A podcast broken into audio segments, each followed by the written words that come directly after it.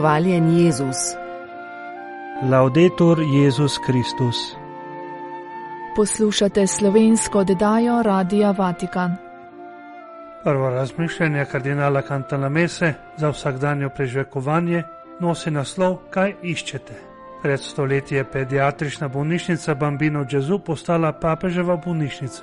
Pismo iz Vatikana nemški škofovski konferenci naj ne glasujejo o statutu sinodalnega odbora. Ukrajina, načkov Mokritski, ne borimo se s puško, ampak z rožnim vencem. Prisluhnili bomo nadaljevanju note dikasterja za nauk vire. Kardinal Raniero Cantalamesa je bil zaprošen, naj med duhovnimi vajami rimske kurije vsak dan podeli razmišljanje za okoli eno ali dve minuti. Prvi dan je bila to beseda, kaj iščete. Mi è stato chiesto di condividere con voi per sei giorni una riflessione di circa un minuto. Zaprošen sem bil, da šest dni podelim z vami razmišljanja za okoli eno minuto. Na svetu je malo besed, ki so sposobne izreči v eni minuti to, kar zadostuje za zapolnitev enega dneva in celotnega življenja. To so besede iz Jezusovih ust. Vsakič vam bom predlagal eno in vas zaprosil, da jo prežvekujete vse dan, kot neke vrste žvečilni gumi za dušo. Takoj preidemo k besedi, ki jo bomo danes prežvekovali. Gre za vprašanje, ki ga je Jezus namenil krstnikovima učencema, ki sta šla za njim. Kaj iščete? Kar sledi, veste. Odgovorila sta mu: Učitelj, kje stanuješ? In on: Pridite in boste videli. V tem trenutku nas zanima samo Jezusovo vprašanje: Kaj iščete? Si se kdaj zaustavil, brat ali sestra, ki poslušaš vprašanje: Kaj jaz iščem v svojem življenju? Če takoj ne najdeš besede, ti jo predlagam jaz. Ti iščeš to, kar vsi iščejo: srečo. Pred Freudom je to razumel sveti Augustin. Vsi, je rekel, hočemo biti srečni. Vendar, za razliko od Freuda, je sveti Augustin podal tudi razlog za ta vsesplošen nagib. Te se nas ustvaril zase, pravi Bogu. In naše srce je nemirno, dokler se ne počije v tebi. Preveri, brat ali sestra, in ovidi, če ni ravno v tem razlaga za tvoje številne žalosti in nemire, ker si iskal vodo v razpokanih cisternah, namesto pri izviru žive vode, ki je Bog. Terne screpolate, anziché nella fonte di acqua viva che è Dio. O donacijo Vojvod Salviati svetemu sedežu leta 1924 je prva italijanska pediatrična bolnišnica postala odličnost na področju oskrbe in raziskav. Pred stoletji je pediatrična bolnišnica Bambino Gesù postala papeževa bolnišnica, referenčna točka za zdravljenje vseh bolnih otrok v Rimu in po svetu. Za ljubezensko zgodbo je označen v uradnem spominskem videu dogodek donacije, opravljen 20. februarja 1924 prek takratnega kardinala vikarja Bazilija Pompilija in soglasjem Pija XI. Zaradi 12 postelj v hiši v lasti Vojvo Tarabela in Šipione Salviati na osrednji ulici Via delle Zocolete v Rimu je postala prva italijanska pediatrična bolnišnica. O slabi 20 letih leta 1887 se je bolnišnica preselila v starodavni samostan Sant Onofrio na Džanikolu, kjer še vedno čaka na selitev na območje nekdanje rimske bolnišnice Forlanini po predvidevanjih leta 2030. Pred donacijo svetemu sedežu je bilo že sprejeti 33 tisoč otrok v Bambino Džezu, ki se je soočil z velikimi nesrečami, kot sta potresu Avezzano leta 1915, ko so sprejeli 420 otrok, in epidemija španske gripe med prvo svetovno vojno leta 1918, ko je bilo 300 otrok hospitaliziranih. Po preseljni ustavitvi zaradi druge svetovne vojne je bolnišnica v naslednjih desetletjih vse bo rasla, tako na svojih lokacijah. Tista v Santi Marinelli je bila odprta že leta 1917. Sledila je bolnišnica v Palidoru leta 1978, pri Svetem Pavlu leta 2012 in v Pasakuru leta 2022. Tako z delovanjem kot z integracijo v italijanski nacionalni zdravstveni sistem ter priznanjem kot raziskovalna in univerzitetna bolnišnica. Bolnišnico Bambino Gesù je prvi obiskal papež Janez 23. leta 1958, zatem Pavel VI. leta 1968, Janez Pavel II. leta 1979, Benedikt XVI. leta 2005 in papež Frančišek 2017. Bolnišnica Bambino Gesù je danes največja pediatrična poliklinika in raziskovalni center v Evropi in je povezana z glavnimi mednarodnimi centri svojega področja. Leta 2022, beremo na uradni spletni strani, je bolnišnica zabeležila več kot 95 tisoč obiskov na urgenci, 29 tisoč hospitalizacij, 32 tisoč operativnih in interventnih posegov, 2 milijona 500 tisoč ambulantnih storitev. Več kot 30% hospitalizacij se nanaša na male bolnike, ki prihajajo izven regije, medtem ko je 14% tujih državljanov. Leta 2023 so spremljali 18 tisoč otrok z redkimi boleznimi. Trije kardinali, Pietro Parolin, državni tajnik, Viktor Fernandez, prefekt dikasterja za nauk vire in Robert Prevost, prefekt dikasterja za škofe, so v posebnem pismu prosili nemške škofe, naj na zasedanju v Augsburgu od 19. do 22. februarja ne glasujejo o statutu sinodalnega odpora. K sreči so škofje tokrat sprejeli prošnjo in iz dnevnega reda umaknili omenjeno točko. Zakaj gre? Nemški škofje so nameravali potrditi predlog, da bi lajki skupaj z njimi odločali o naslednjih vprašanjih: o vlogi žene v cerkvi, o duhovništvu in spolni morali.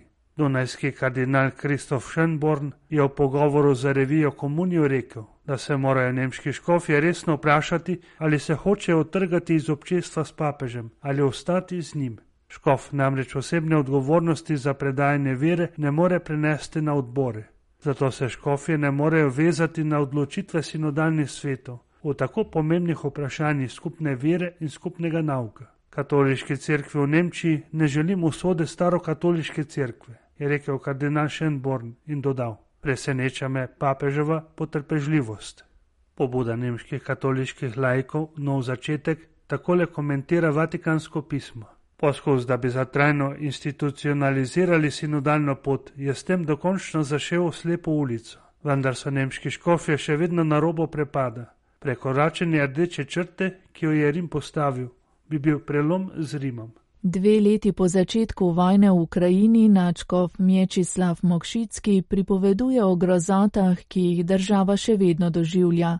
Rakete in droni padajo na ljudi in mesta, ubija se nedolžne ljudi in mnogi, celo otroci in duhovniki, padajo v obup ali duševne bolezni. Pa vendar, dodaja Načkov, metropolit Lvova, imajo ljudje še vedno moč in upanje, vidijo, da je edina rešitev v Bogu in da lahko Ukrajino rešile čudež. Za radio Vatikan Vatikan News povdarja, da je v tem temnem času celotna Ukrajina ovita v molitveno verigo. Smo božji borci, ne s puško, ampak z rožnim vencem, ne na bojišču, ampak na kolenih pred najsvetejšim zakramentom. Moč, upanje in vero mi daje to, da vidim, da nas božja previdnost ne zapušča in da je v ljudeh veliko vere. Načkov Mokšicki spomni na Jezusove besede, da ni dobrega drevesa, ki bi obrodilo slab sad, in ne slabega drevesa, ki bi obrodilo dober sad. Vsako drevo namreč prepoznamo po njegovem sadu.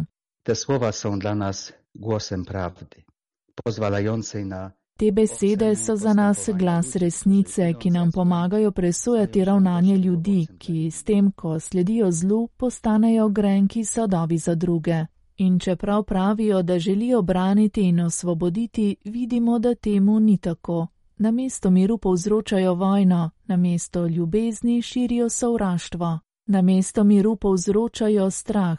To je njihov sad, grenak in kisel, Boli nas, da moramo nekaj desetletij po koncu druge svetovne vojne znova braniti svojo svobodo in razmišljati o tem, kako se ljudje ne morejo ali ne zmorejo spominjati grozot, ki jih je za seboj pustila vojna. Mi pa se je zelo dobro spominjamo. Večina le iz zgodovine, a obstajajo tudi ljudje, ki se tega obdobja spominjajo kot osebne izkušnje. O vsakdanjem življenju ljudi po dveh letih vojne Načkov Mokšicki pove, da se vojaške dejavnosti na žalost nadaljujejo. Spadajo na luči na mesta rakete in droni. Ginou žołnierze in niewinni ludzie. Rakete in brezpilotna letala padajo na ljudi in mesta. Umirajo vojaki in nedolžni ljudje. Mnogi so ranjeni, nimajo svojih domov, nimajo sredstev za preživetje, nimajo dela. Vse to povzroča strah, tesnobo in negotovost, Številni otroci, odrasli in celo duhovniki zapadejo v obup, depresijo in duševne bolezni. Kościół w tej sytuacji spieszy wszystkim z pomocą. Cerkev si v teh razmerah prizadeva pomagati vsem. Vojakom, ki se borijo, pomagamo s kaplansko službo, organiziramo razdeljevanje hrane, zdravil in raznih pripomočkov, pomagamo celo pri nakupu dronov. Še naprej sprejemamo notranje razseljene osebe, organiziramo humanitarno pomoč in jo pošiljamo na vojna območja. To pomoč zagotavljamo tudi revnim družinam v naših župnijah, organiziramo obsežno pastoralno dejavnost, da bi v njih okrepili vero in upanje. V tem težkem času pa crkev še posebej vabi ljudi k molitvi. Načkov Mokšitski navede besede iz Jakobovega pisma, če kdo med vami trpi, naj moli. Bez wątpienia spotkało nieszczęście nas, jakim jest wojna. Nedvomno nas je doletelo trpljenje zaradi vojne, zato je apostolova prošnja za nas poziv in naloga. To lahko danes podarimo svojim bližnjim in vsej Ukrajini. Naša molitev mora biti kot kadilo, ki ima vedno samo eno smer - zemlje v nebo biti mora klicenega srca in enega duha. Sredi trpljenja je naše orožje v boju za mir, molitev. Jesteśmy bojownikami Boga, nie z karabinem w dłoni, ale z różańcem. Smo božji borci, a ne s puško, temveč z rožnim vencem, ne na bojišču, ampak na kolenih pred najsvetejšim sakramentom. Tako z vezjo molitve objemamo vso deželo, še posebej z molitvijo za tiste, ki se na fronti te nore vojne v našem imenu in zaradi nas borijo za svobodo domovine. Na ta način vnašamo v svoje življenje občutek varnosti in solidarnosti. Obok modlitve, budującym nadzieję i męstwo ducha, jest dobre słowo. Poleg molitve je druga razsežnost, ki krepi upanje in moč duše, dobra beseda. Danes z vseh strani prihajajo novice, ki ne prinašajo optimizma, ampak zelo pogosto prinašajo grozo. Zato od nas prihajajo upanje in tolažba, dobra beseda in podpora duha. Besede gospoda Jezusa, nosite bremena drug drugemu, postanejo naloga, ki jo moramo prevzeti in s katero se moramo obrniti drug drugemu. In to je tudi dokaz za odnose ljubezni, ki temelji na delih. Nahajati se moramo v tej resničnosti. Papež Frančišek nam je rekel: Usmiljenje tisti, ki se zna uživeti tudi v težave drugih. Dela usmiljanja naj ne bodo način, da bi se počutili bolje, ampak da bi sodelovali v trpljenju drugih, tudi za ceno izpostavljanja in neprijetnosti. W tych ciężkich chwilach do takiej postawy zachęcamy. V teh težkih časih je to drža, ki jo spodbujamo in ki si jo prizadevamo imeti, da bi ljudje videli naša dobra dela in slavili očeta, ki je v nebesih. Na vprašanje, ali je posvetitev Rusije in Ukrajine Marijinemu brezmadežnemu srcu prinesla sadove, je ukrajinski načkov odgovoril, da se je kmalo zatem ruska vojska umaknila iz Kijeva. Matka Boska Fatimska zachęcała do modlitwy. Fatimska Mati Božja je spodbujala k molitvi, pokori in spreobrnjenju. To vidimo tudi pri mnogih vernikih naše cerkve ter drugih obredov in veroizpovedi. Ljudje vidijo, da je edino odrešenje v Bogu in da lahko Ukrajino rešile čudež. To so sadovi zaupanja v Božjo mater. Kljub težkim razmeram ljudje ne izgubljajo upanja. Še vedno imajo veliko moči in optimizma, znajo pokazati veliko solidarnost in se medsebojno podpirati. V vsem tem vidijo potrebo po molitvi in delovanje Božje milosti. Vojaki pogosto govorijo o moči molitve, ki jo doživljajo in so hvaležni vsem, ki molijo za nje. Načkov Mokšitski pove, da mu moč, upanje in vero daje to, da vidi, kako jih Božja previdnost ne zapušča in da je v ljudeh veliko vere. W niezwykle trudnym czasie, w jakim znalazła się Ukraina, V tem težkem trenutku, v katerem se je znašla Ukrajina, bdimo pred križem našega Gospoda Jezusa Kristusa. Danes, ko je vojna postala resničnost, moramo še bolj sprejeti križ in ostati povezani s tem znamenjem ljubezni in odrešenja, znamenjem zmage življenja nad smrtjo, ljubezni nad sovraštvom, resnice nad lažjo, ponižnosti nad sebičnostjo. V teh težkih časih tudi Ukrajina še naprej potrebuje solidarnost in dobra srca.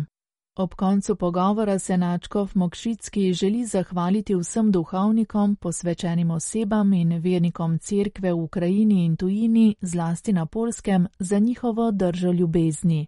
To ta postava je z živo evangelijom dobrega učenku. Ta drža je živi evangelij dobrih del.